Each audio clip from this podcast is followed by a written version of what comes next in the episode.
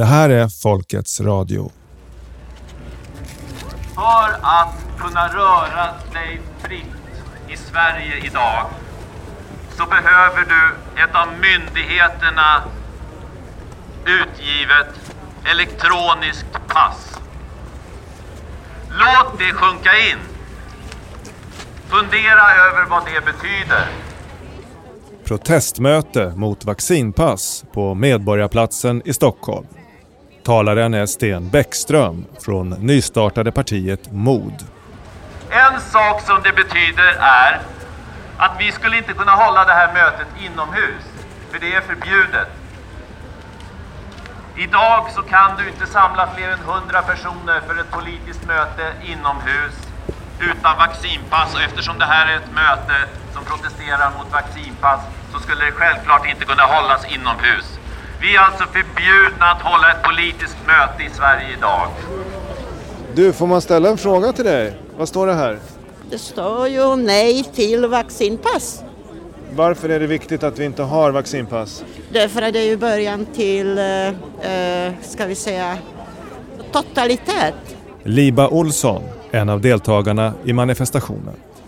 Jag är uppvuxen i kommunism så jag vet ju vad det innebär. Att skilja, absolut, jag har bott här i 50 år. Absolut, det är ju samma, samma visa och det är samma sätt att indoktrinera folk. Och väldigt många människor går på detta därför att då, det sägs ju till dem att staten vill oss väl. Det sa de där i kommunistiska länder också. Och det är det som vi är ju från de länderna som har upplevt totalitet som har, ju, som har ju genomlevt och som har ju fått möjlighet att komma och älska detta land. Och vi förvånar oss att, att det inte finns jävla anamma mera i det här folket. Att försvara sitt land. Det här är ditt land, det här är mitt land. Från Alestena till norra Lappland. Från Bohusklippor till Gotlands raukar. Landet det tillhör dig och mig. I det här programmet ska vi göra ett svep genom vårt avlånga land och höra vittnesmål från några av de många tusen svenskar som tagit en spruta för laget, som det heter, och som kort därefter fått allvarliga hälsoproblem. Hur har laget ställt upp för dem? Man antar ju att man är säker i Sverige när man liksom får ett eh, jag vill att ni vaccinerar av Sveriges statsminister, då tror man ju att man är säker. Maria Nilsson från Gällivare. Och då tänker man ju också när man får exempelvis biverkningar som jag har fått. Mm. Vad, vad är det? Var är skyddsnätet efter det? Tänker jag. Då borde det ju funnits ett skyddsnät. Får ni biverkningar så blir det så här antingen så går vi den här sidan eller den här sidan. Men nu finns det inte något skyddsnät. Utan det är mera liksom, då ska man hetsas. Då är det vargarna. Nu ska jag ju kastas in till vargarna. Nu ska de ju börja liksom jaga upp folk som inte är vaccinerade. Vi hör vittnesmål från Ystad till Haparanda, från Gävle till Göteborg. Några ställer upp med namn, andra vill vara anonyma. De berättar om sin vånda över att de nu förväntas ta ytterligare sprutor trots att de blev svårt sjuka efter den första. De vittnar om en sorts tabu att ens prata om biverkningar. Ofta avfärdas de i sjukvården, misstänkliggörs och hånas på sociala medier. Många berättar om avståndstagande, rent av ilska från kollegor, vänner och bekanta. Hon använde ord alltså som hatar. Hon hatade mig för att jag inte tog vaccinet. Och jag försökte säga att jag har ju fått biverkningar. Jag har legat på sjukhuset för utredning och gått igenom jobbiga undersökningar. Gunilla Modin, Södertälje. Nej, hon lyssnade inte på det. Hon lyssnade inte på det. Hon sa bara, kan du tänka på någon annan än dig själv? Och, och så skrek hon bara att du ska, du ska inte kunna hindra mig från att leva livet och ha roligt. Det här är ditt land, det här är mitt land. Från Ålestena till norra Lappland. Från Bohusklippor Gotlands raukar. Landet det tillhör dig och mig Gemensamt har många av dem jag pratar med en förlorad tillit till vårt land. En känsla av ett fruktansvärt svek och en undran över vart vi är på väg. Alltså det här är så, det är så märkligt alltihopa och jag kan liksom inte förstå varför det är så ångestladdat för mig personligen, fastän jag pratar mycket om det, så känner jag hela tiden att jag säger lite för mycket. Eh, nu stör jag någonting som jag inte ska störa. Tänk om jag är helt ensam om det här. Tänk om det inte finns någon annan. Men nu vet jag att det finns det. Den här kvinnan vill vara anonym. Och att bli stämplad som foliehatt, antivaxare. Jag ser liksom hårda ordalag i sociala medier som är förfärliga av att eh, vi, vi vill inte umgås med er som inte har tagit sprutan. Det förstår ni väl själva. Det är klart att vi har vaccinpass och så vidare. Jag förstår liksom inte vad som har hänt med människan. Och jag inser ju hur lätt det är att när man sätter lite press på folk, ger förmåner i andra änden, så följer man och slutar tänka och analysera. Men för mig som sitter med alla dessa biverkningarna så blir det ju en väldigt märklig värld. Och jag har också blivit tillfrågad, alltså frågad många gånger om jag inte bara inbillar mig det här. Alltså det är så oerhört kränkande.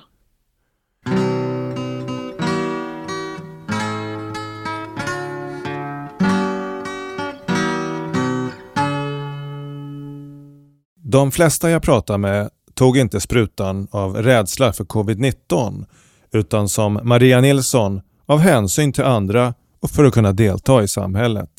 Jag kände att jag skulle vara solidarisk för jag jobbar dessutom på ett jobb med människor i riskgrupp och kände att jag, eh, ja men via tryck så kände jag att jag måste ta den här sprutan. Men ändå på något sätt så sa min magkänsla nej. Den sa väldigt många gånger nej. Jag till och med kontaktade min chef och sa alltså det känns verkligen inte bra det här.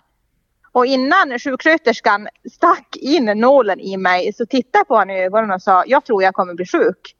Och hon sa nej då det är ingen fara liksom det har gått så bra för alla och du behöver inte oroa dig. Så magkänslan fanns ju där och jag gick ju över den. Vilket jag ångrar idag. Jag heter Anders Jackvi och jag bor i Gävle och jag är 70 år. Ja, jag var oerhört skeptisk till det här så kallade vaccinet. Och eh, jag kände att eh, det här var inte alls bra och jag tänkte tanken att jag är nog en av de som kommer att få en allvarlig biverkan av det här och mycket riktigt så blev det. När du kände liksom så här att magkänslan sa egentligen att du skulle inte göra det här, vad var det som ändå fick ja. dig att ta sprutan? Ja, det var, det var ju påtryckningarna från omgivningen och att jag har eh, barn och barnbarn i Norge. Och för att komma in i Norge så var jag tvungen att ha det där.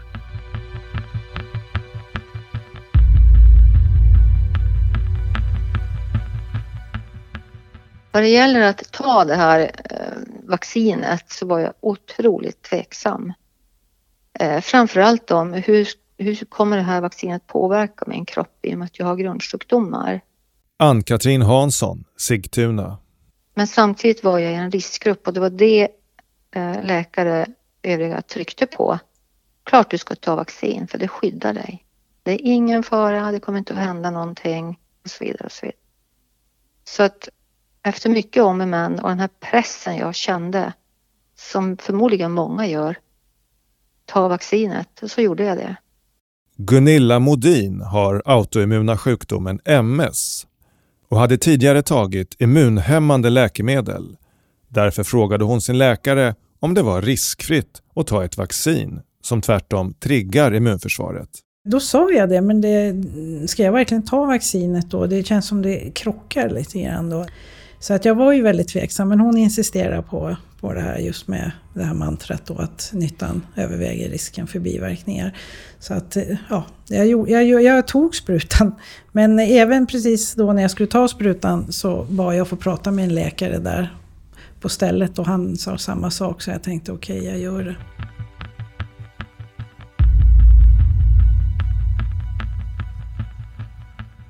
Jag kände att det var som ett krig liksom i kroppen.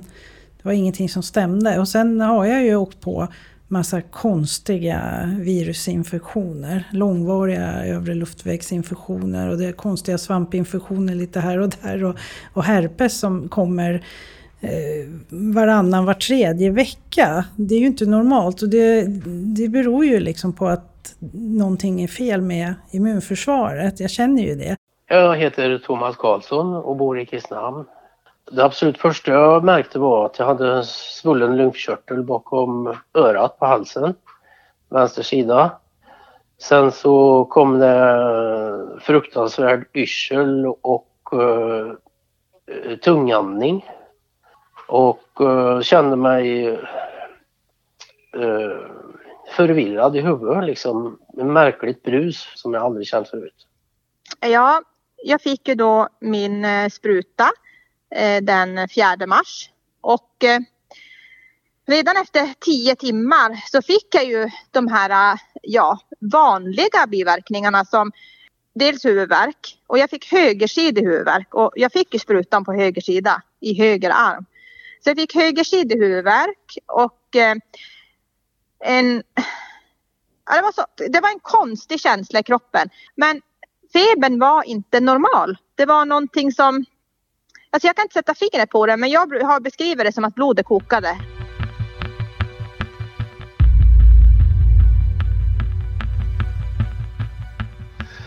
Jag tog i alla fall den här sprutan trots att jag kände att jag inte borde göra det och eh, efter tre dagar så blev jag riktigt, riktigt sjuk i två veckor och efter ytterligare fem veckor så fick jag en massiv stroke mitt på natten.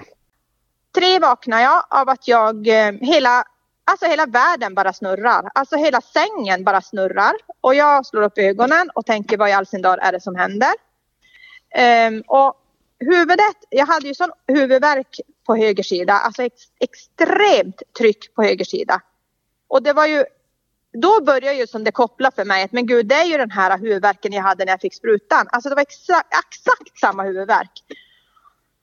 Och Alltså, jag ställer mig upp och rasar ihop, svimmar eh, och inser att jag kommer börja spy.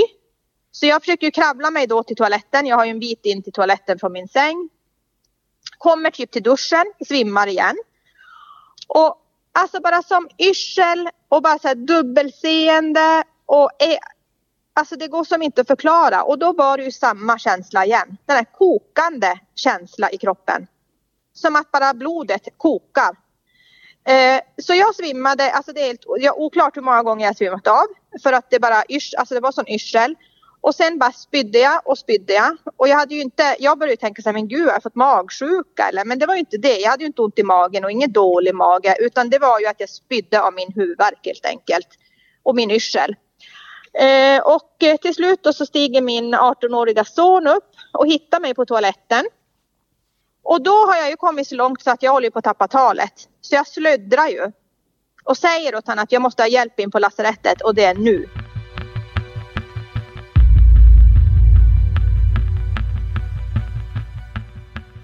Beskriv uh, hur ditt liv då har påverkats efter det här. Ja, jag känner att jag börjar gråta när jag ska prata om det. Um, hon vill också vara anonym. En vecka, en och en halv vecka efter jag ehm, fick vaccinet så började jag känna av att jag hade yrsel. Att jag helt plötsligt så från ingenstans så blev det snurrigt och jag började liksom fick huvudvärk och illamående och det var liksom inget ingenting som jag haft innan. Och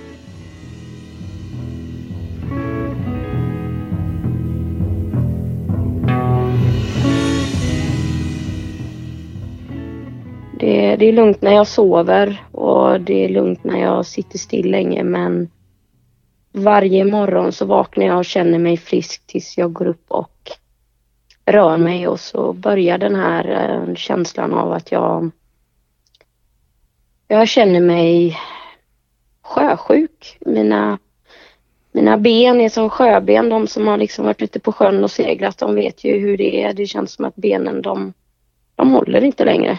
Ehm, det satte ju sig sen även i händer och armar så att jag har ju skakningar så jag kan inte riktigt hålla i saker på samma sätt. Jag kan inte styra mina ben och mina händer som jag riktigt vill alltid. Det, ja, det är mycket som har förändrats. Sambon tog första dosen, Pfizer, för nästan sju månader sedan. Han fick feber samma dag och kände sig sjuk. Sedan dess har han haft feber varje dag utan undantag. Varje dag har han ont i huvudet, hosta och svårt att andas. Kraftig smärta i sidan, i magen, lymfkörtel. Ont i lederna, allmän sjukdomskänsla. Vid minsta lilla ansträngning rusar pulsen och syresättningen sjunker. En Facebookgrupp där de som drabbats av biverkningar delar sina berättelser har på några månader vuxit till över 13 000 medlemmar. Jag har fått tillåtelse att använda några citat här i programmet. De är inlästa av skådespelaren Håkan Julander. De har röntgat lungor, mage, mängder med blodprov, magnetröntgen, ultraljud. De hittar inget överhuvudtaget förutom förhöjda levervärden utan orsak. Hur kan man ha feber dagligen i sju månader och vara så sjuk när allt ser jättebra ut? Finns det någon där ute som känner igen något av det här? Finns det någon som har fått något svar på vad problemet kan vara? Som har lyckats få en lösning på eländet? Och direkt när injektionen sattes in så började min vänstra tumme, den sattes i vänster överarm och då började min vänster tumme pirra. Jättekonstigt. Men jag tänker att men, eh, det här måste ha träffat en nerv. Så jag tänker inte så mycket mer på det sen. Men sen började jag tänka, men vänta lite här nu. Brände jag mig igår? För det brände så på min rygg. Från skuldrorna ner mot eh, liksom njurtrakten. Och förstod inte, Jag började fråga min man, du hur ser jag ut här? Och nacken, nacken mot axeln också. Nej, jag ser inget, sa han. Och det här eh, liksom intensifieras under dagen och så känner jag liksom att nej men jag solar ju inte igår och då, då vet jag att jag tänkte det här måste vara vaccinet. Och någon timme senare så började det klia enormt på min mage, precis som en solskada. Sen dagen efter kontaktar jag vårdcentralen och då säger de till mig, ja men du vet att du har fått nässelutslag. Det är jättevanligt. Det är bara till att ta eh, såna antihistamin. Så jag är iväg och köpte det och dubbeldos och så efter det så uppkommer liksom en ny grej. Och då var det precis som att jag hade små, små djur på kroppen ovanpå som kröp runt. Och det, liksom, jag fick liksom hela tiden dra med handen på huden för att liksom få bort känslan. Och så var det precis överallt. Hela huvudet, ansiktet, hela kroppen. Det började på natten. Jag tog ju min spruta på eftermiddagen och på natten så kände jag att min hela min hy hettade. Jättemärklig känsla och sen kom en extrem klåda. Det klia och jag fick blåsor. Jag har fortfarande problem nu efter sex månader med det. Sen vart jag otroligt andfådd när jag klev upp. Eh, att gå från sovrum till toalett eller från kök till toalett eller bara röra mig i lägenheten var en plåga för jag hade så... Jag kunde inte djupandas. Det kändes som att jag inte fick luft. Jag har två hundar som jag är ute med regelbundet och vi tränar. Men nu när jag fick eh, efter vaccinationen så i perioder så klarade jag ju knappt av inte att, att gå runt huset för jag blev så andfådd och tungandad så jag liksom var tvungen att ställa mig still liksom nedanför trappan innan jag gick in för jag var helt slut.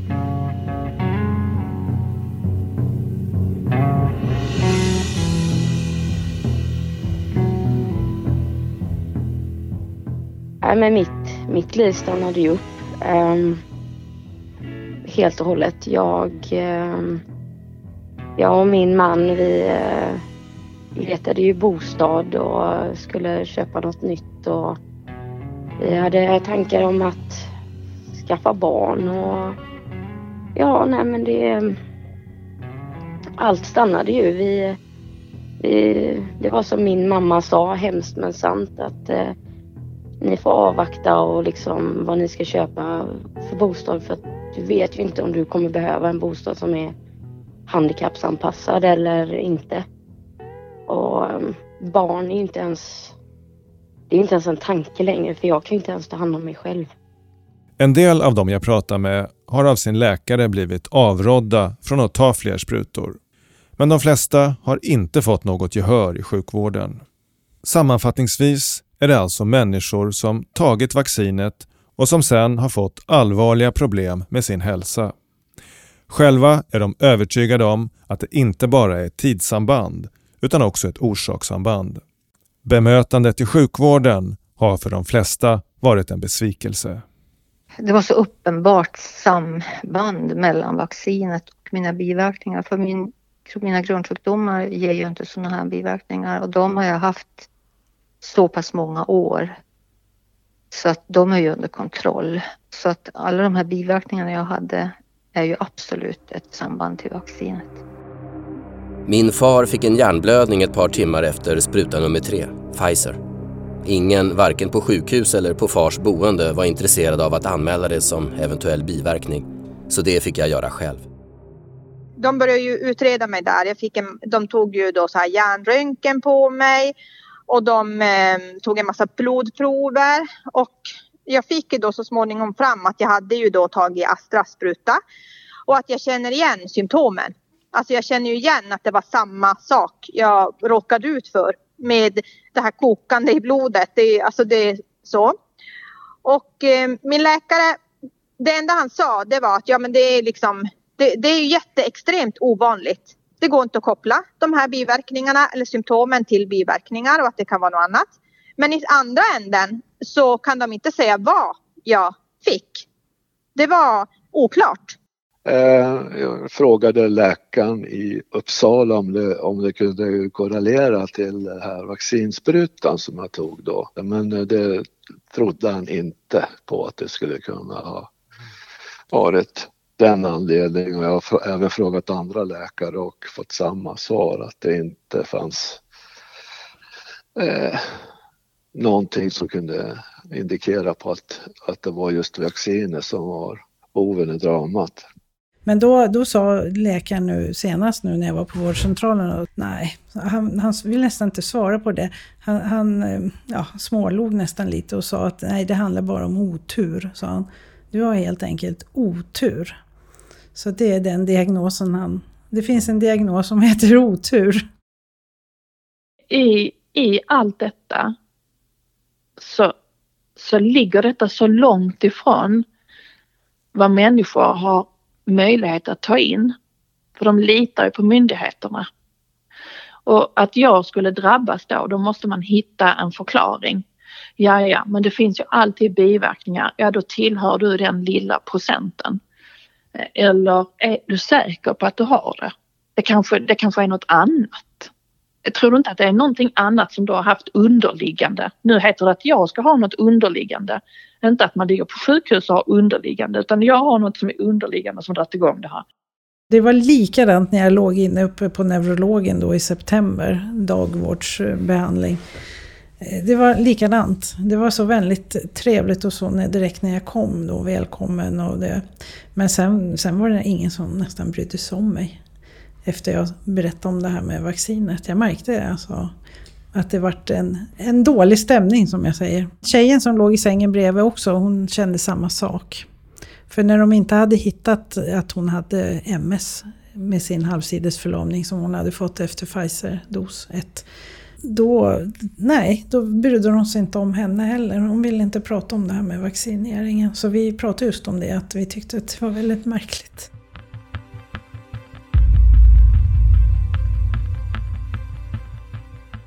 När jag låg på hjärtavdelningen till exempel så var det en AT-läkare som kom och, pratade med mig och sa det att eh, det är ju ingenting vi får säga det här men det är jättevanligt att man får problem med hjärtat framförallt med Pfizer så det chockade mig. Och eh, samtidigt kom det överläkare då som jag upplevde rätt arroganta. Ehm, ja, vi har ju bara hört din historia och, och så vidare. Jag sa, men det är klart att du får höra min historia för du är ju min kropp och jag mår så här och EKG visar att någonting är fel. Så han sa verkligen så då, eh, den här AT-läkaren, att det här får vi inte säga, men det är jättevanligt. Vad, vad tänker du om det? Att man mörkar. Ehm, vad är det som har gjort att man inte berättar att vaccinet från början inte var godkänt? Utan det är ett experiment för att se om det fungerar eller inte.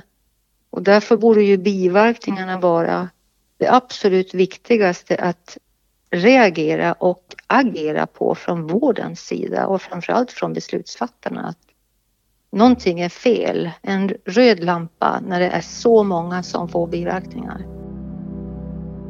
Forskning visar att bara en liten bråkdel av alla misstänkta biverkningar rapporteras in till ansvarig myndighet. När man tar del av vittnesmålen här förstår man vad det kan bero på. Eh, de gjorde en massa tester på mig under de här dagarna och sen fick jag åka hem och när jag läste journalen sen efterhand så står det att det inte är kopplat eh, vaccin, vaccinskada eller vaccinbiverkning? Frågetecken. Stressrelaterat? Frågetecken. De ville inte skriva att det var vaccinet trots att vi diskuterade om det. När det gällde stressrelaterat så var det inte ens på tapeten. Vi diskuterade inte det. Så det tycker jag är en kränkning att man skriver in i journalen utan att ens ha fört den dialogen med mig. Och jag är absolut inte stressad. Jag var oerhört kränkt. Jag var oerhört förbannad. Jag visste inte om jag skulle välta ett skrivbord eller inte. Jag kände liksom ilskan, den drog igång i min kropp. Jag är alltså fullt frisk sedan tidigare. Självklart har jag fått ta en antibiotika någon gång då och då, men alltså jag har verkligen inget klippkort hos sjukvården. Men att bara få det istället för att liksom, alltså vad är det som har hänt? Det här behöver vi ta reda på. Finns det fler som har samma? När jag fick höra det, att det här liksom var jag själv som hade framkallat det här, att jag var orolig och att jag var lite deprimerad. Stressad var jag också jättestressad så sa jag det är klart att jag får en stress i kroppen. Den är ju helt upp och nervänd. Nej, det, var, det, nej, det, det här har inte varit bra alls kan jag säga det. Och det fortsätter ju. När jag var på min första eh, astmatest på spirometrin så visade ju astmakontrollen att jag hade 9 av 25 och då skrev de ut långtidsverkande astmamediciner som jag fick använda och det fungerade väl lite grann men inte optimalt. Eh, för att och då sa hon till mig, är, tror du att det kan vara panikångest? Och jag blev så, först blev jag arg och sen började jag, började jag skratta. För jag tycker att det är så otroligt kränkande att slänga på mig att ifrågasätta om det är panikångest. Mm. När, när de så tydligt vet att det här har med vaccinet att göra. Det är flera, flera med mig också som har upplevt just det här i sjukvården. Om man tar upp det här, bara nämner att det här kan nog ha med vaccinet att göra för jag upplever att jag har fått det och det efter vaccinet.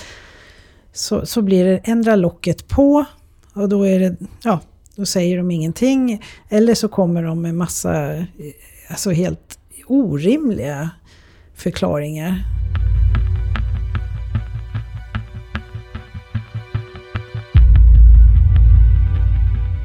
Det sa de på sjukhuset när jag låg inne där i september. Tittade de i sina papper och sa att ja men du har ju faktiskt fyllt 60. Så till slut blev jag arg och sa det, men det var ett jäkla tjat alltså om det här med åldern. Det kan ju inte bara hända massa saker, att man får dimsyn och blir sämre i MSen bara för att man, det slår om liksom från 59 till 60.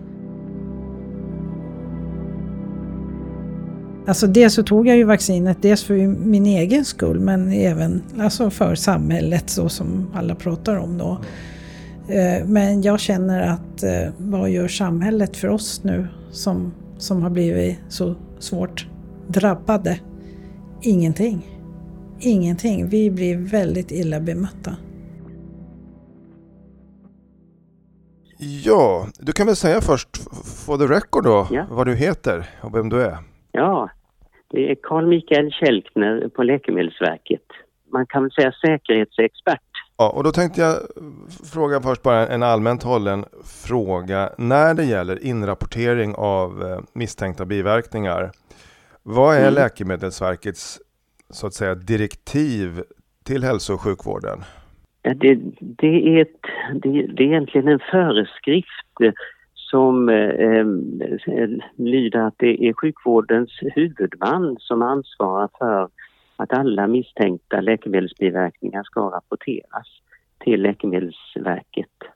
I min research så har jag intervjuat och, och pratat med väldigt många som har fått allvarliga hälsoproblem efter vaccinet mot mm. covid-19. Och det finns även mm. grupper på Facebook som har många tusen medlemmar som delar sina berättelser. Och, och mm. vad som är slående är att man har mött då från sjukvårdens sida ofta att läkare eller om det är personal på, på äldreboende säger att man inte tänker rapportera till Läkemedelsverket för man, man, man kan inte vara säker på sambandet. Mm. Eh, så då, som jag tolkar dig då, då, då följer inte de de här föreskrifterna? Det är vid blotta misstanken som man ska rapportera in det? Ja, precis, precis, precis så är det. Och, och det här har ju så att säga den här problematiken som du tar upp med eh, om underrapportering och att, att läkare kanske skickar in endast om de är absolut säkra och så vidare. Den har ju funnits med i spontanrapporteringsvärlden och, och det är ju sedan 60-talet som vi har hållit på med det. Så att det, det liksom, systemet står inte och faller med, med det utan att det, det viktiga är att man får in ett antal rapporter och som ger då Läkemedelsverket och läkemedelsmyndigheterna ett, ett material att börja utgå ifrån och med våra statistiska då algoritmer i databasen titta efter, är det här någonting som lyser och sticker i våra ögon utifrån andra liknande produkter, eh, mekanismer, leta efter, kan den här symptomet förklaras av en orsak till läkemedlet eller inte?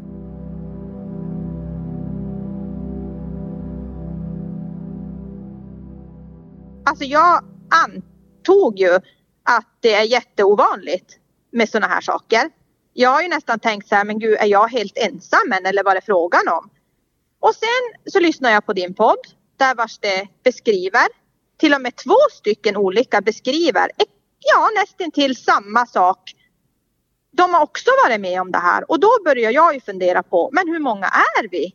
Alltså hur många människor har fått de här biverkningarna och det är liksom ingen återkoppling och det är ingen liksom som är intresserad att ta reda på vad har man egentligen varit med om. Och det var någon som hade fått eh, stroke-liknande symptom med, med, med liksom bortfall i ena sidan och, och väldigt yrsel.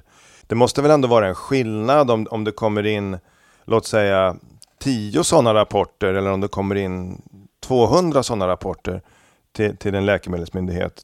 Antalet är väl inte helt oviktigt? Antalet rapporter rapporter eh, spelar så att säga mindre roll i en spontanrapporteringssystem.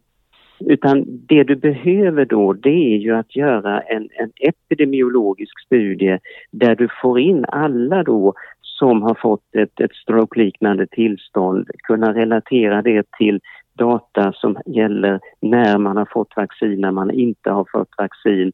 Att hitta en, en kontrollgrupp, att hitta grupper då som har en liknande samsjuklighet med blodtrycksmediciner, med tidiga hjärtinfarkter och så vidare.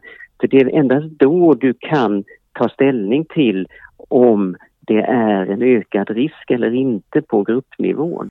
Jag tänker, ni, ni har ju ibland kommunicerat budskap eh, i media. Skulle ni kunna vara tydligare, gå, gå ut när det är framförallt en, en pandemi och en, ett helt nytt vaccin som testas i, i massiv skala eh, och säga att nu är det faktiskt viktigt att man inte, inte vården själva försöker göra den här bedömningen utan alla misstänkta biverkningar ska rapporteras in. Skulle det kunna vara någonting som skulle kunna minska graden av underrapportering? Det, det är möjligt eh, att man, man vet att olika faktorer eh, påverkar eh, rapporteringsfrekvensen. Det är alltifrån om man har några tekniska knepigheter att det är svårt att rapportera eh, då påverkar det. Men, men återigen, det här systemet är ett väldigt robust system på det sättet att det, det genererar ett antal rapporter och vad det gäller vac eh, vaccinerna här så har vi fått in väldigt mycket rapporter. Så att vi, vi, vi, så att säga, eh, vi, vi missar inte något stort eh, på det här, den underrapporteringen som, som finns. I, I dagsläget är det ju ungefär 360 dödsfall som har rapporterats in. Det finns ju några, några vetenskapliga studier som säger att det är så lågt som 1-2 procent. Skulle det kunna motsvara då att, att det efter vaccinet som misstänkta biverkningar skulle kunna röra sig om en siffra på 15 till 30 000 då? Eller, eller är det, hur, hur ungefär värderar ni den här underrapporteringen, själva procenten så att säga? Ja, vi, vi resonerar inte i den, det, det häraden för att vi, vi vet att underrapportering finns, den varierar otroligt mycket. Utan det vi gör det är att vi tittar på dem vi får in och utifrån dem så agerar vi.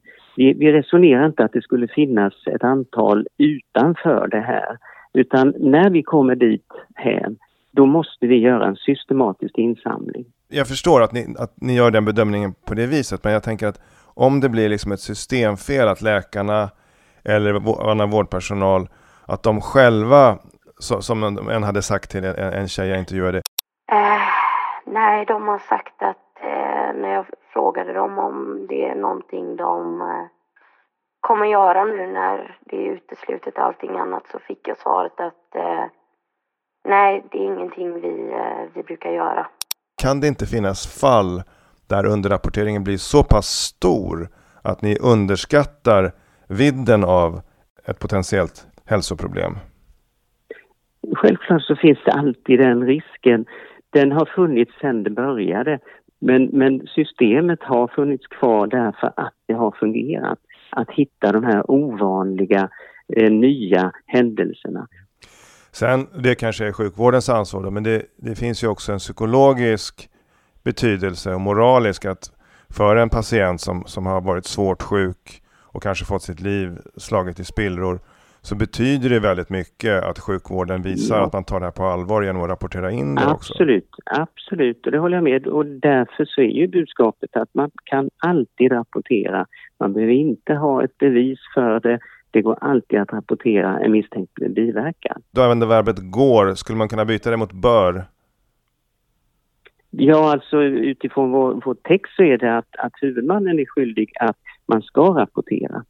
Så att det, det finns ett, ett, ett krav utifrån att rapportera misstänkta biverkningar.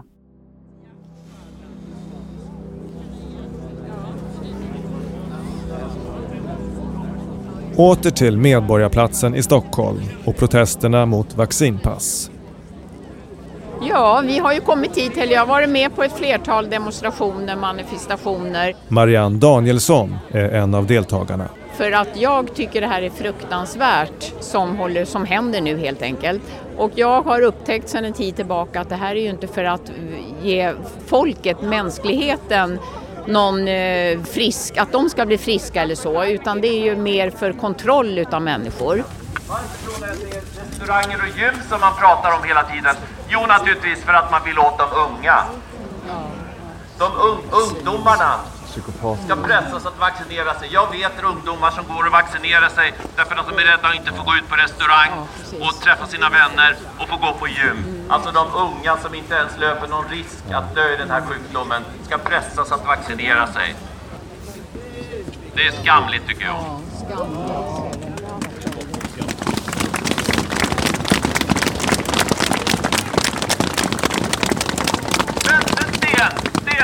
Faktiskt inte någon mänsklig rättighet att få gå på restaurang. Säger man till mig. Och då svarar jag, jo, det är faktiskt en mänsklig rättighet att få gå på restaurang. I den meningen att jag som myndig eh, invånare i Sverige har rätt att röra mig fritt utan tillstånd från myndigheterna. Och är en restaurang öppen för allmänheten så har jag rätt att gå dit. Ja. Precis. Det här är ditt land, det här är mitt land. Från Ålestena till norra Lappland. Från Bohusklippor till Gotlands raukar. Landet det tillhör dig och mig.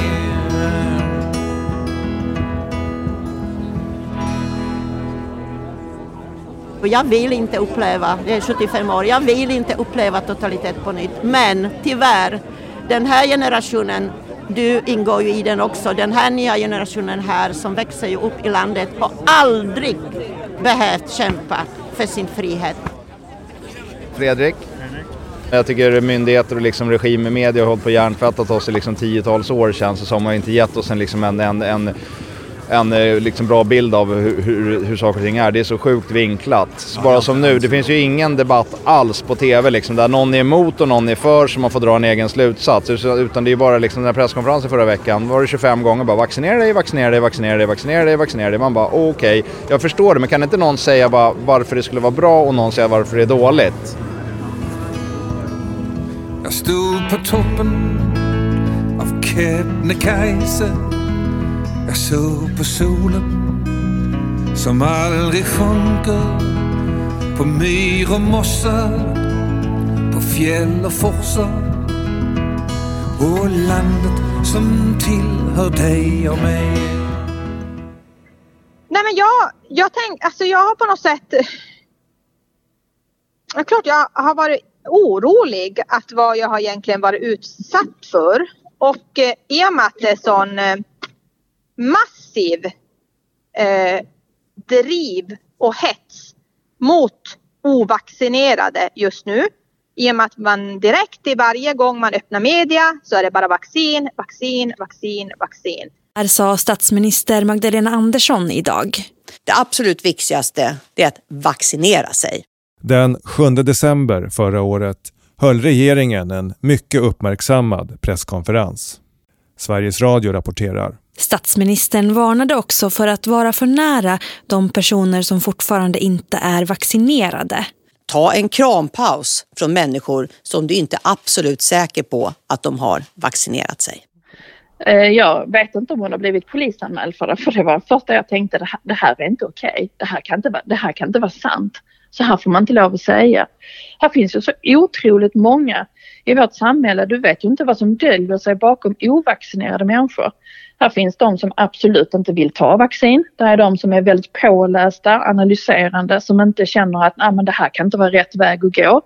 Där finns de människorna som är medicinskt kunniga och tror på flockimmuniteten med sina T-celler. Här finns de som inte har klarat att ta fler doser.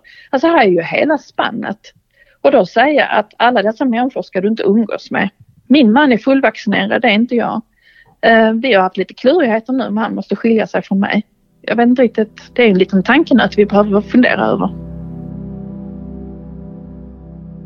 Jag satt och tittade på de här um, eh, när statsministern hade sina uttalanden om att man ska, man ska inte krama ovaccinerade. Och min första tanke var att det, det är jävla hets mot eh, folkgrupp. Alltså det, det här får inte förekomma. Alltså varför ska vi skiljas mot andra? Och det jag också tänker på att det finns ju sådana som är i min, i min sits vars de har tagit då ett vaccin och har fått ja, biverkningar som de själv kopplar till vaccinet. Alltså man är ju inte så dum som man går och tar ett likadant. Alltså man är ju inte så dum som människa. Alltså man vill ju verkligen ha man vill ju ha hjälp. För vad var det som hände egentligen? Och ska jag dessutom på det straffas av att jag inte ska bli alltså vara med i, liksom, i svenska befolkningen för att jag har blivit sjuk av ett vaccin som de tvingar i folk. Det är liksom inte okej. Okay.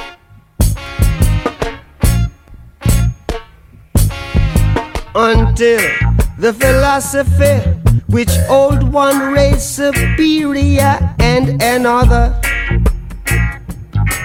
inferior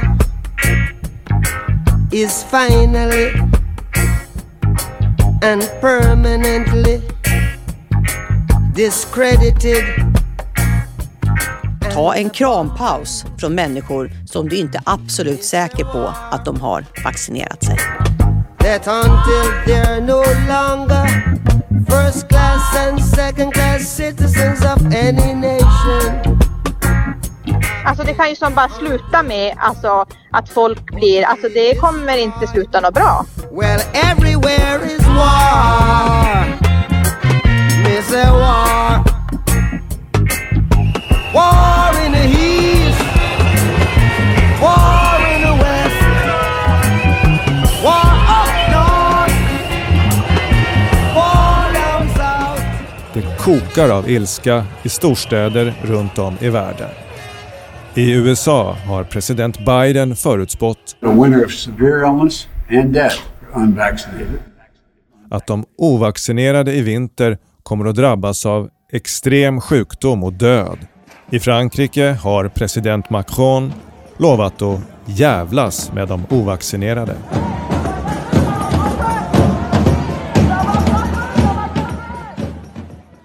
Det känns som det aldrig tar slut, att det nästan bara blir värre och värre. Mm. Det finns ju ingen tendens att det... Och, och just det här med media, alltså det, de piskar ju upp det här.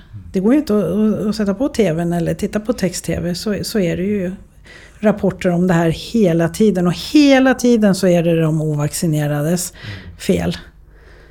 Det är de som belastar mm. sjukvården. Och det är det jag får höra också hela tiden. Att om inte jag tar de här sprutorna så jag tänker inte på mina medmänniskor.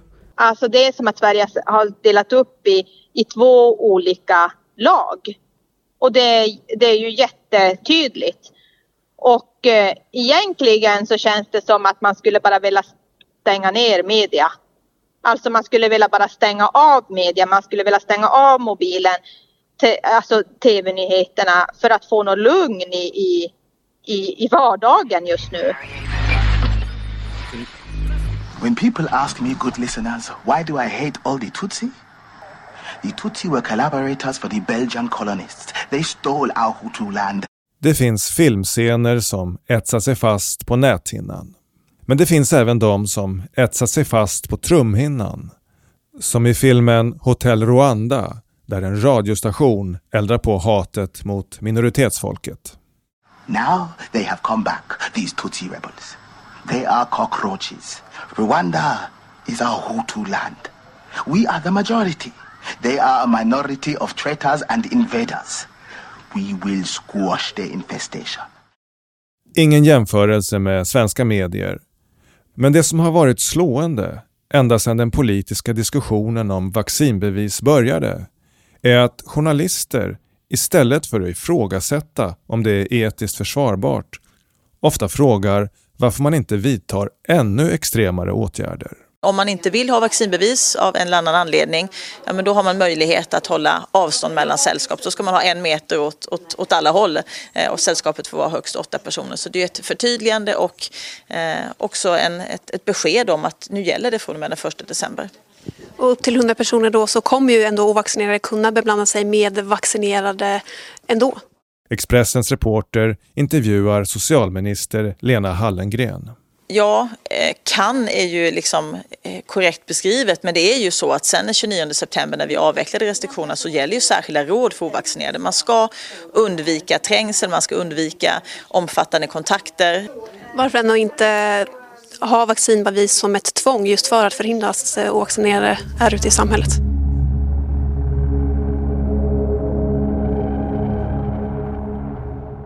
Det är de som piskar upp det här hatet som har blivit.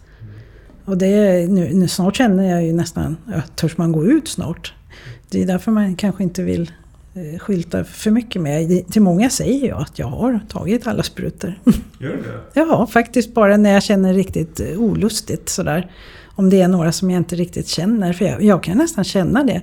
Att snart kommer det bli liksom att man att det kanske blir att man får åker på stryk.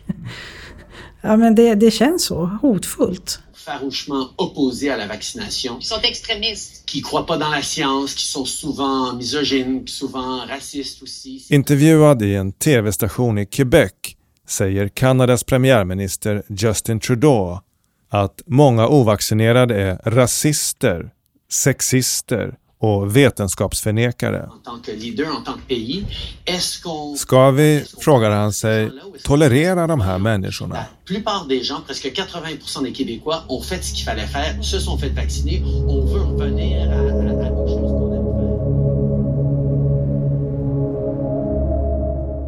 Genom efterforskningar har Gunilla Modin funnit en avlägsen kvinnlig släkting som levde på 1600-talet. Hon hette Karin och eh, hon vart eh, bränd på bål, avrättad, halshuggen och bränd på bål som häxa tillsammans med sin även 14-åriga dotter. Och det hon eh, hade gjort sig skyldig till, jag har själva domprotokollet, det var att det var en femårig pojke som, som, ja, som hade helt enkelt blivit tvingad då av prästerna att vittna. Och som hade sett henne och dottern fara till Blåkulla och eh, dansa på bordet med djävulen. Men också att hon hade en ko som mjölkade väldigt bra. Så att det, var, det var det som gjorde att hon vart avrättad. Det liksom känns ofattbart hur, hur, det kunde, hur det här kunde få ske. Men, men nu i och med att, att det här händer nu, här, nu, Sverige nu. Why do I hate all the Tutsi? Ta en krampaus. They are cockroaches. Med det här hatet som piskas upp med hjälp av media. Eh, då, då känner jag att, då förstår jag det där mer. Att, att det kunde hända helt enkelt. I slutet av 2021 infördes vaccinationsbevis i Sverige. För att få det krävs i nuläget att man tagit minst två sprutor. Det blir ju väldigt, väldigt provocerande eftersom att eh, jag tillhör faktiskt den gruppen trots att jag har tagit vaccin. Så hur ska man behandla mig? Några i bekantskapskretsen vill diskutera försiktighetsåtgärder så har vi ett samtal, eh, några personer och eh, där jag får höra att om jag, jag skulle ta ett PCR-test, om jag skulle umgås med de som var vaccinerade. Jag visste inte om jag skulle skratta eller gråta. Va, vad sa du då? jag blev förbannad. och det, jag höjde rösten och tyckte liksom att, men vänta lite här nu, nu är det någonting som är riktigt galet. Har man inte förståelse då för att du har ju, du har ju svåra biverkningar efter den första dosen att du inte vill ta flera? Uh, det är alltså, jag har varit öppen med att jag har de här biverkningarna. Jag jobbar också uh, och uh, där är en del som säger att det är väl bara till att ta tvåan. Det är väl bara att bita ihop. Det är väl bara till att få det gjort, sen är det klart. När jag frågar min familj så säger de för helsike låt bli. Linda Wester, jo, Ehm, på senaste besöket nu då så fick jag göra en neurologisk undersökning ehm, där det visar sig då att jag kan inte ligga ner och lyfta upp höger ben exempelvis och jag kan inte gå på tårna eller hälarna utan att tappa balansen. Blundar jag och står upp så trillar jag baklänges eller åt sidan. Kan inte lyfta händerna och efter ansträngning så börjar ju då händerna att skaka även där. Ehm, och sen så säger då läkaren till mig att du har inga neurologiska sjukdomar, du är inte sjuk, det känns väl skönt. Och då frågar jag om han tycker att jag som riskgrupp, jag nämner haft cancer för några år sedan, om jag då ska ta en tredje dos vaccin och då säger han ja, absolut. Trots att de här symptomen kom en till två dagar efter andra dosen vaccin då, så rekommenderar han mig att ta en tredje dos. Och då ifrågasatte jag det och presenterade fakta som jag hade samlat ihop. Och eh, han höll med om det, han sa ja. Men jag sa du rekommenderar ändå så en tredje dos. Och då eh, så säger han att vi har fått rekommendationer och förhållningssätt från Folkhälsomyndigheten. Och sen var det liksom bra med det. Anders Jackvi från Gävle fick som sagt svåra hälsoproblem efter första sprutan. Det kulminerade i en livshotande stroke. Men sjukvården verkar ändå anse att han bör ta nästa spruta.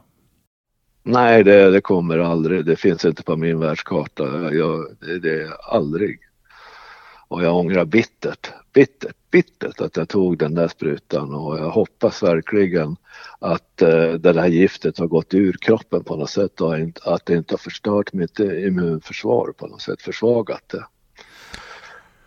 Och, och, vad tänker du, har du fått liksom något intyg då från sjukvården att du inte behöver någon mer spruta eller hur, hur är det? Nej, nej, jag har sökt eh, och försökt att fått ett intyg på att jag inte kan ta på grund av de här omständigheterna men det är ingen läkare som vill ge mig något sådant intyg.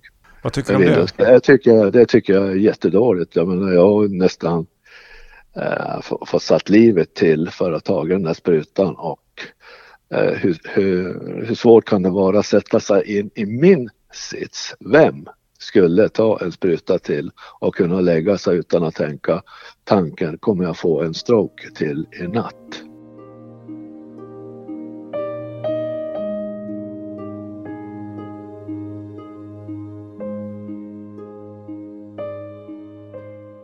Så givetvis så slår det ju mig att vad, vad är mitt val nu?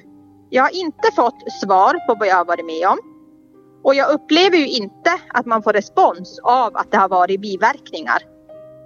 Alltså, jag har problem och jag har svårt att gå och ta mer vaccin i och med att man inte bemöts på ett bra sätt. Hur, hur känner du inför att ta fler doser? Nej, det, det vill jag absolut inte göra.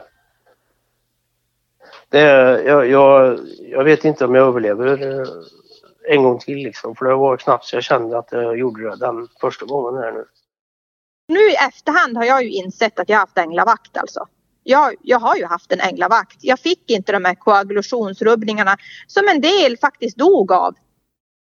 Jag frågar Maria Nilsson, som bor i Gällivare, vad hon kommer att göra om hennes arbetsgivare kräver vaccinpass. Ja. Ja, de där tankarna har ju passerat mig många gånger. Men alltså jag tror att för mig är det livet eller jobbet. Alltså jag behåller hellre livet än jobbet, om jag får säga så. Um, jag tror faktiskt att, att, um, att det inte är så svårt val för mig just nu. Så är det.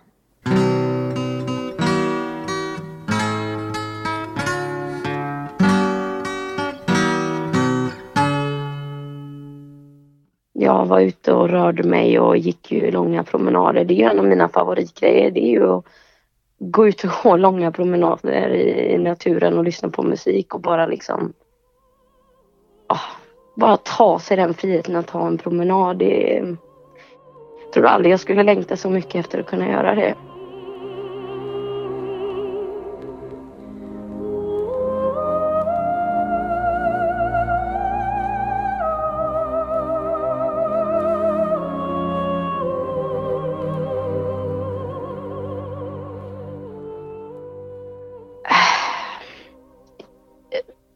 Hoppet är det sista som överger människan i något som jag har hört många gånger i mitt liv så att jag får väl bara försöka hoppas på att det kommer bli bra men eh, självklart har jag dagar som är väldigt eh, mörka. Det, det ska jag inte sticka under stolen med att jag har. För vaccinerna mot covid-19 har Läkemedelsverket i skrivande stund mottagit över 90 000 anmälningar om misstänkta biverkningar varav 360 dödsfall och runt 8 800 som myndigheten klassat som allvarliga. Hur stort mörkertalet är vet vi inte. Jag tycker det är jättebra med vaccin. Men då måste det vara godkända mediciner och vaccin. Och vi skulle ha fått information om att det här var ett villkorligt godkänt vaccin, vilket innebär att man måste test fram till 2023, vilket jag aldrig har vetat förrän efter jag tagit den här sprutan. Ann-Katrin Hansson undrar om inte hon och många med henne i praktiken har fungerat som försökskaniner. Eh, och det känns lite grann som att om det här framkommer nu, att det här villkorligt godkända vaccinet inte är bra. Om det här kommer fram till allmänheten, inte bara i Sverige utan runt om i världen. Det blir ju kaos. Det blir ifrågasättande. Jag vet inte om det är det som är anledningen till att man lägger locket på, men sanningen kommer ju att komma fram. It's the sound of freedom calling Ringing up to the skies It's the sound of the old ways of falling. You can hear it if you try. You can hear it if you try.